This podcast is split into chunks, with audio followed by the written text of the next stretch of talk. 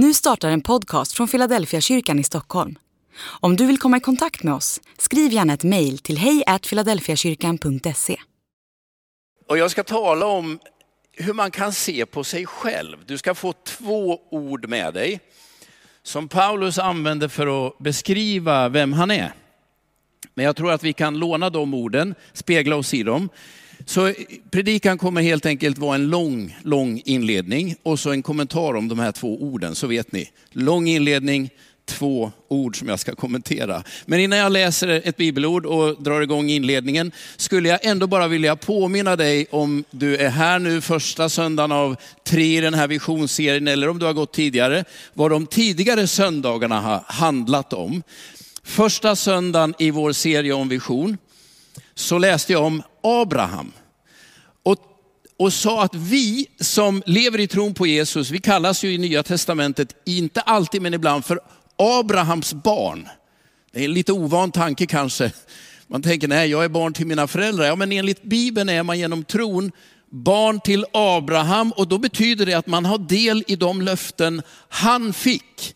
Och vad var det Gud sa att han ville med Abraham? Ett, jag vill välsigna dig. Två, genom dig ska jag välsigna alla folk. Så svaret på frågan vad min uppgift är, är att välsigna människor runt omkring mig. Det är en väldigt god tanke att ha med sig när man går till jobbet, man möter sin familj när det är en riktigt dålig dag eller livet är toppen. Vad är det Gud vill genom mig? Han vill välsigna alla människor. Eh, och förra söndagen så fortsatte jag läsa från gamla testamentet om uttåget ur Egypten och Mose. Mose är väl en av de här ledarna som är kanske historiskt mest känd av Bibelns gestalter näst Jesus. Men berättelsen om Mose börjar inte med Mose, det börjar med att ansiktslösa, namnlösa, okända människor ropar till Gud, Gud hör och sänder Mose. Och när jag när jag läser den berättelsen så tänker jag att det är exakt det som också är vi. Vi finns därför att det finns människor i den här stan som ropar till en Gud de kanske inte riktigt känner eller vet vem det är. Men som ber om hjälp och Guds svar är att sända oss. Vi är tänkta att vara ett bönesvar för människor som hoppas att det ska finnas en Gud som ser och som hör. Och nu då, idag, några tankar om hur du skulle kunna se på dig själv. Spegla dig i de här två orden. Och nu då ska jag läsa en bibelvers och sen ska jag ha en lång inledning så kommer jag tillbaka till de här två orden. Första Korintierbrevet kapitel 4 och vers 1. Så här säger Paulus. Vi bör alltså betraktas som Kristi tjänare och som förvaltare av Guds hemligheter. Två ord. Som Kristi tjänare, tjänare och som förvaltare av Guds hemligheter. Om man nu läser det här på grekiska, som ju är det språk som Nya Testamentet skrevs på, så är det första ordet hyperetes och det betyder bokstavligt talat galärslav.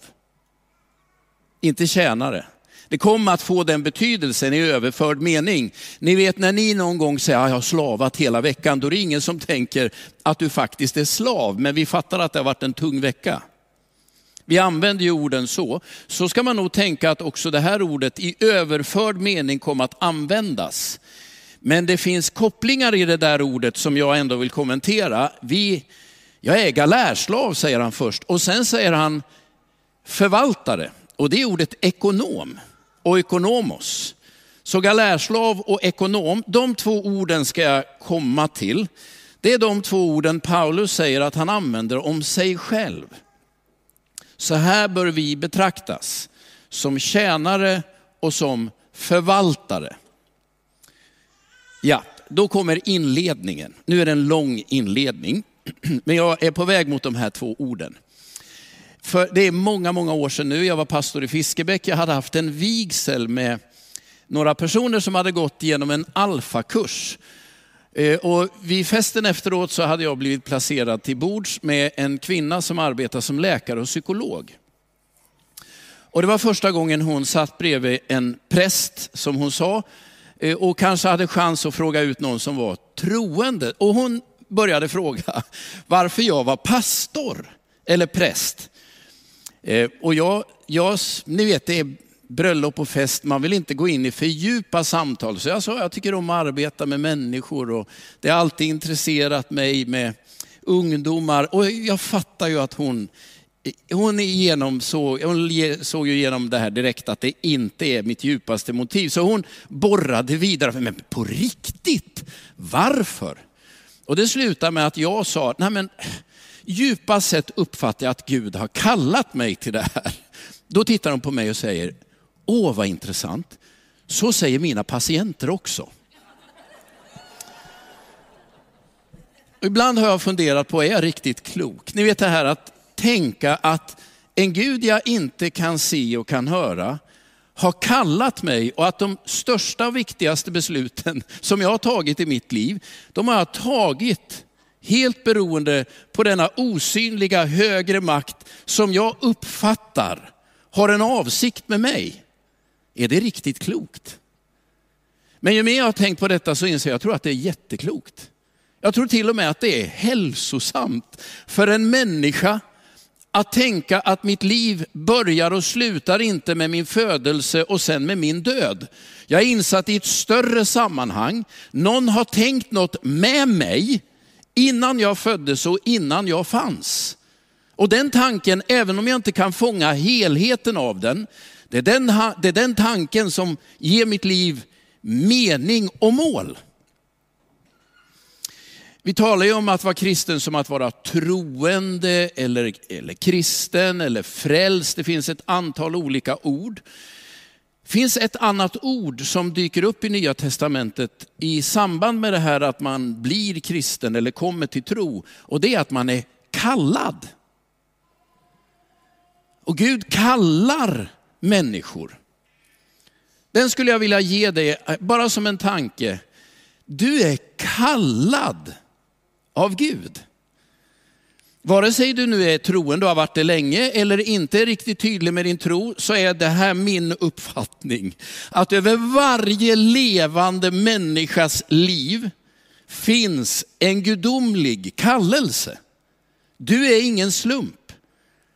Även, även om du själv inte har hittat det eller kan utforma det direkt tydligt, så är det min bestämda uppfattning utifrån det jag läser i Bibeln, att över varje människas liv finns en gudomlig kallelse. Det är storslaget. Och jag skulle uppmuntra dig att gång på gång söka dig tillbaka till den kallelsen. Var Gud, har du tänkt med mig? Vad är min uppgift?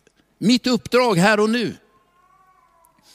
Som eh, föreståndare här i Philadelphia så kallar jag ju ibland människor. Någon gång har jag ju kallat någon bibellärare att komma och ha ett bibelstudium. Jag sa till Mikael Telbe, om du ser det, välkommen tillbaka. Ta dina tre bästa bibelstudier om uppenbarelseboken. Jaha, sa han, varför ska jag göra det? Ja, jag tycker bara det behövs. Jag har ju en lång förklaring till varför, men för Mikael som blev kallad så var det ganska enkelt att tänka, jag tittar på mina tre bästa, jag åker till Stockholm, jag gör det, sen åker jag hem. Den som har ansvar är ju inte bara den som är kallad, utan den som kallar. Och den som kallar har ju en större bild än den som är kallad. Om Gud har kallat mig, så betyder det att den större bilden som mitt liv är insatt i vilar i Guds hand. Och det är inte alltid jag ser det, det är inte ens alltid nödvändigt att förstå det. Men det viktiga är att se, jag har en liten tårtbit här som jag uppfattat att Gud önskar att jag ska göra någonting med. Det vill jag göra. Du är kallad av Gud. Kallad till tro, kallad att följa Jesus, men också kallad att vara en välsignelse för människor i din omgivning. Kallad att vara ett svar på bön för dem du inte vet har bett, men som Gud vet har bett. Och när han har hört så skickar han dig. Jag vet att jag någon gång berättade om min fromma mormor. Jag tror ju att jag är ett svar på hennes böner. Hon bad för alla oss och lät oss alltid veta det. Ibland var man glad och ibland var det besvärande. Men hon bad för oss. Men så hade hon ett själsliv som gick väldigt mycket upp och ner. Och emellanåt när hon var som mest lägst, när det var bottenlöst, då kunde hon säga ja, det är lika bra att jag dör. Du vet, så är det med en del, from eller ofrom, livet kan gå upp och ner. Men så hade hon ju sin tro. Och någon, någon, vid någon av de här förtvivlade tillfällena när hon tänkte det är helt meningslöst att jag lever, så bad hon Gud, hjälp mig. Bara kom med någon uppmuntran, då, då ringer det på dörren. Och utanför står hennes halvförsupna och helt nerrökta granne och frågar, vill du ha en kopp kaffe? Och då säger ju min mormor, tack käre Jesus för att du har hört min bön. Och grannen som då får ta emot denna hälsning är ju lite omtumlad och sa, jag undrar bara om du vill ha kaffe. Var den där grannen ett svar på bön? Självklart. Visste den här personen om det? Förmodligen inte, men blev ju upplyst av min fromt troende mormor.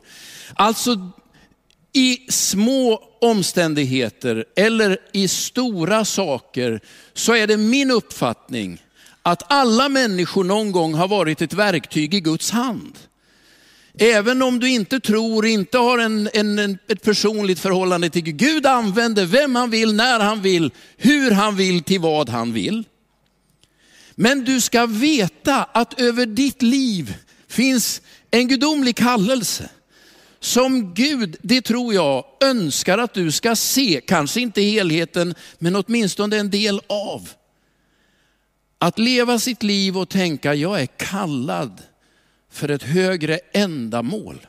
Det finns en gudomlig plan för min vardag, för min familj, i mitt grannskap.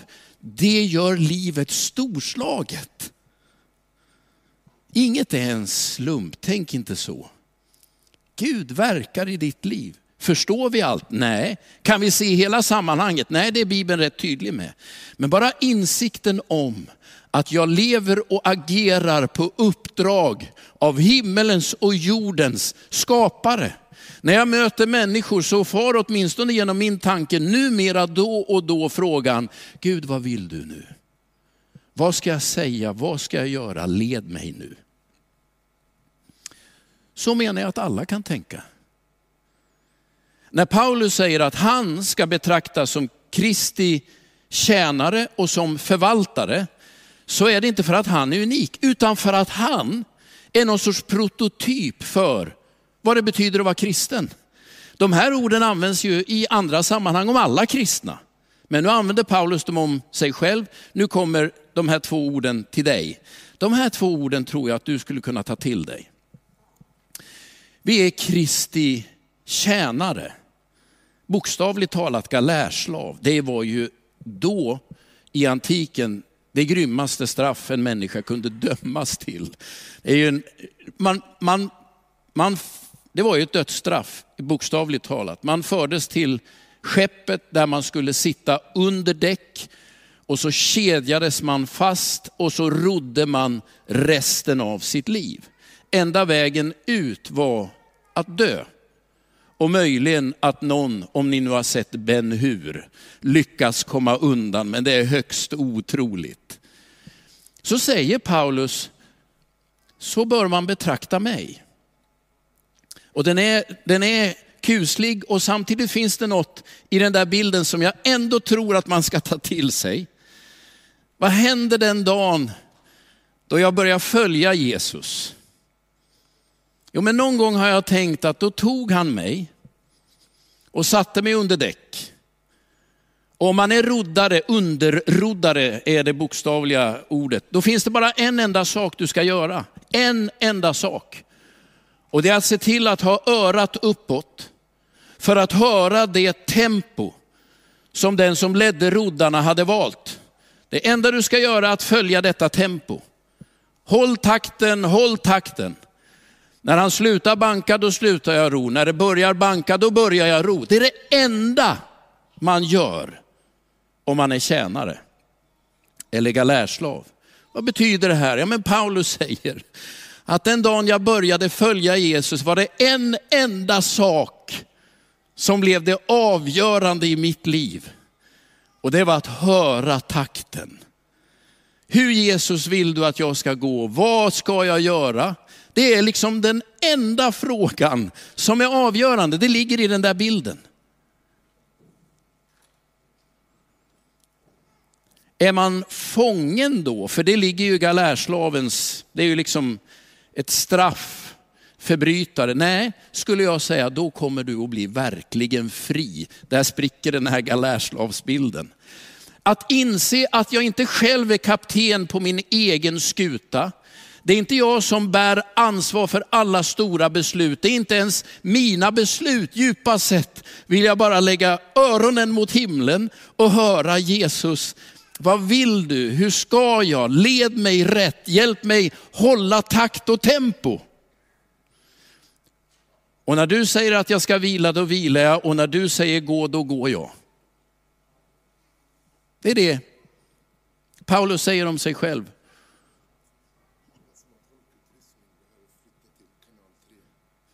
Tack Josef. Alla, här kommer en, sorry all of you who have interpretation, you need to shift to channel three. Anyone who has interpretation, you have to shift to channel three. Och ni som sitter bredvid, om det är en tolkutrustning bredvid dig, de ska till kanal 3. Man skruvar på den där. Jag fortsätter. Är ni med? Eh, men den här bilden kan ju i en mening kännas ganska begränsande och jag skulle tänka att några av oss här inne som har varit med mycket i kyrkan, vi har, vi har på något sätt satt ner foten där. Det är det enda som är det viktiga. Det finns en, en hel del sånger som talar om att den egna viljan ska brytas. Och jag vill bara höra att tjäna dig är min glädje, inget annat där. Men då använder ju Paulus ett ord till och det är ordet oikonomos.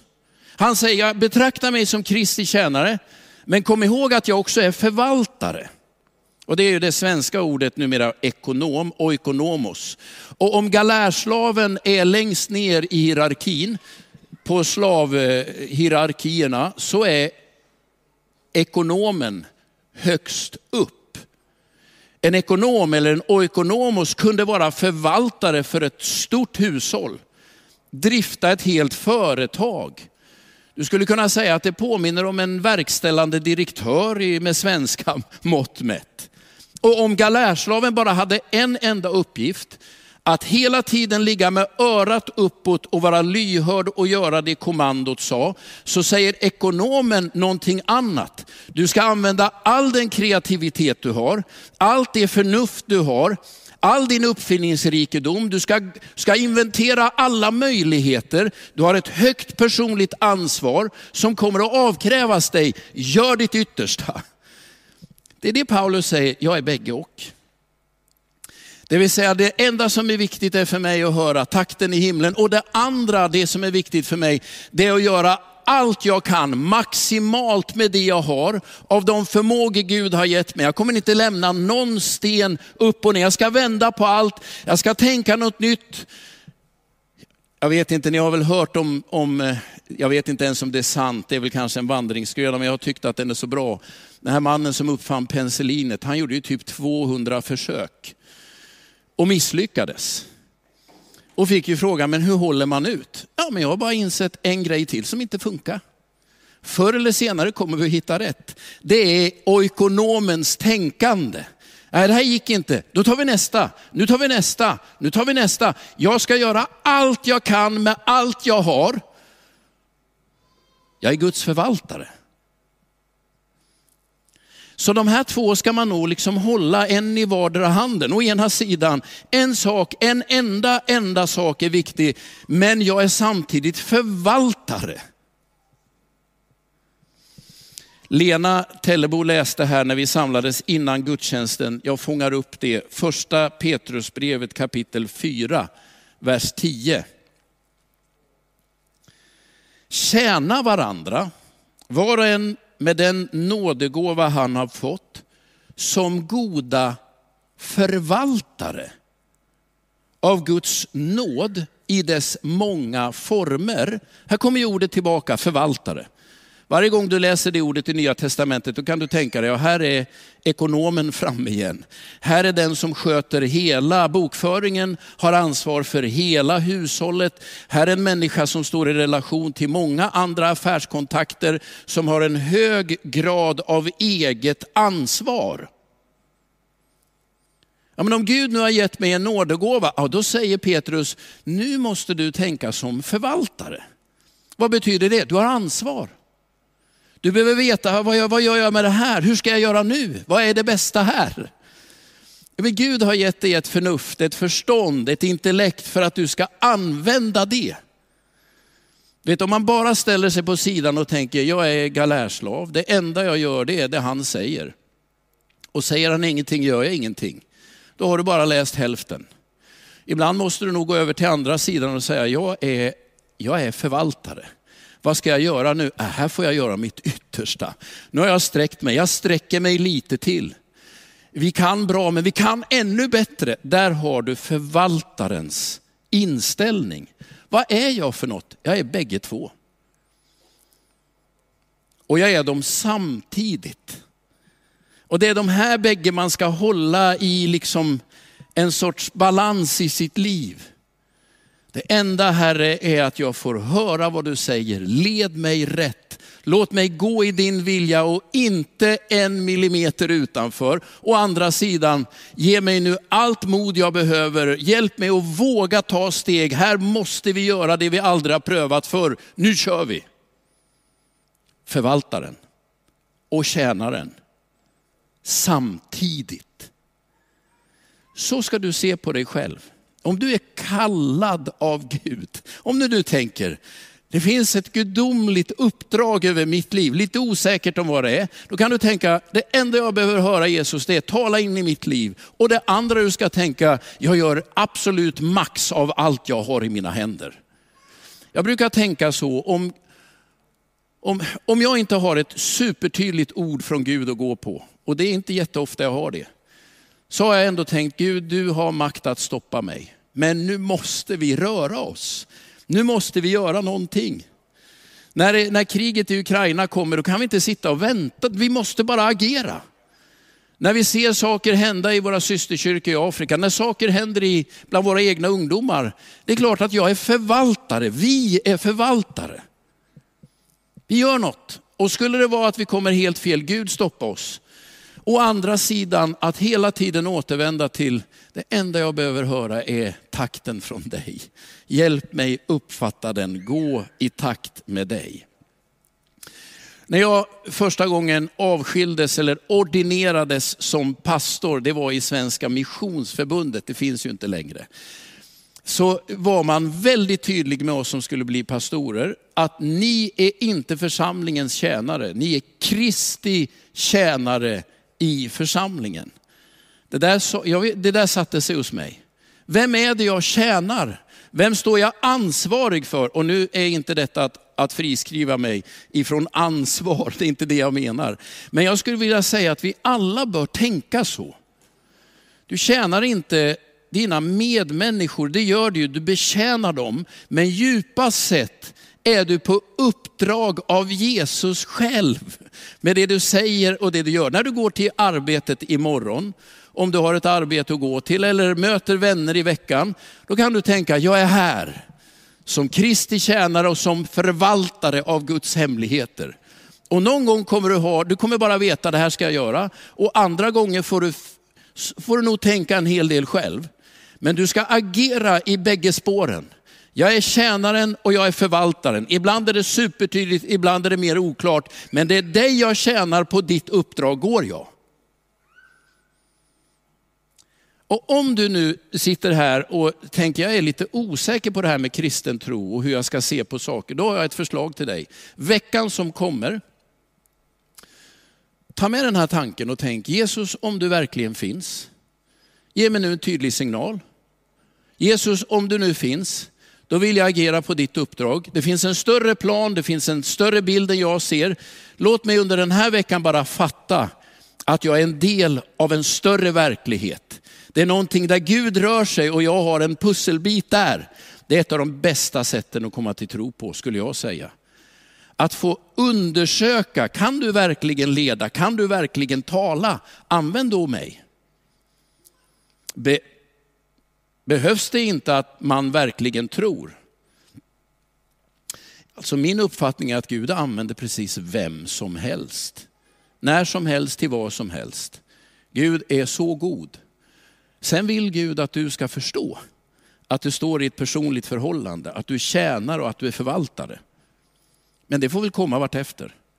Jag tänker att det här gäller min tid, det här gäller mina talanger, det här gäller mina ägodelar. Allt jag är, allt jag har, har jag fått för att tjäna och för att förvalta. Jag är inte konsument.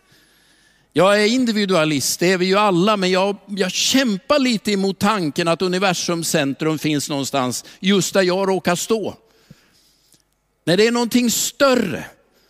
Och det handlar inte bara om mig, mitt och mina, det handlar om Guds rike, det handlar om en större bild. Den måste jag ha med mig. Du är inte konsument, du är tjänare och du är förvaltare. Du är inte individualist, du är kallad in i Guds rike att vara en del av hans folk och det rike som kommer. Det är ett mycket mer hälsosamt sätt att se på sig själv. På det man äger, på det man har och på det man gör. Ta med den här tanken. Och när vi om en liten stund nu ska fira nattvard tillsammans, då är det tillfälle att överlåta dig till att på nytt vara tjänare, eller för första gången, till att på nytt bli förvaltare eller för första gången. Så ska jag se på mig själv. Mina pengar, min förmåga och min tid. Allt det har jag fått till låns för att tjäna Jesus. Nu ber vi tillsammans. Herre Jesus Kristus, jag vill be om att få se mig själv igen med dina ögon. Jag vill betrakta mig själv som din tjänare och som förvaltare av dina hemligheter. Herre, jag tror att det är en kallelse till varenda människa. Vi är kallade att vara dina tjänare, men också att förvalta dina hemligheter. Hjälp var och en i det här rummet att i veckan som kommer tydligt få se att man är en del av en mycket större plan. Jag ber att den här veckan som kommer, var och en i det här rummet ska få en påminnelse om att det finns en gudomlig tanke med våra liv, med det som händer och att du vill använda oss. Herre, hjälp oss att hitta balansen mellan att vara tjänare och att vara förvaltare. Att det inte är antingen eller utan att det är både och. Var med oss nu när vi firar din måltid om en liten stund. I Jesu namn. Amen.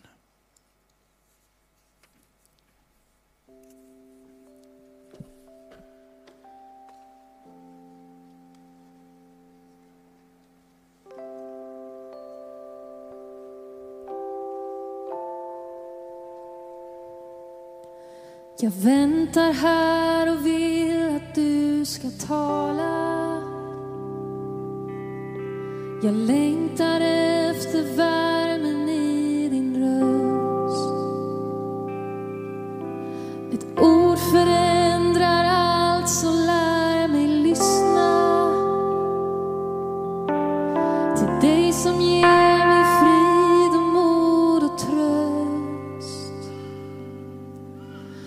väljer Gud att öppna upp mitt hjärta och inte vända blicken bort från dig. För när jag jämför mig med alla andra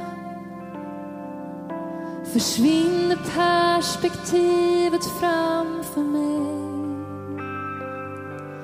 I din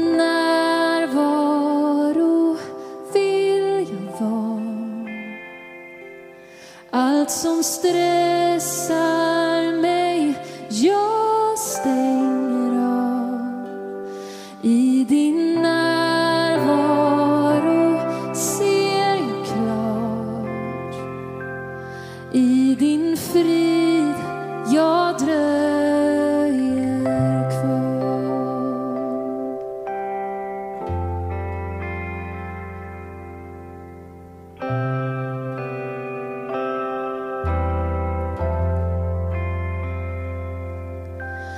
Min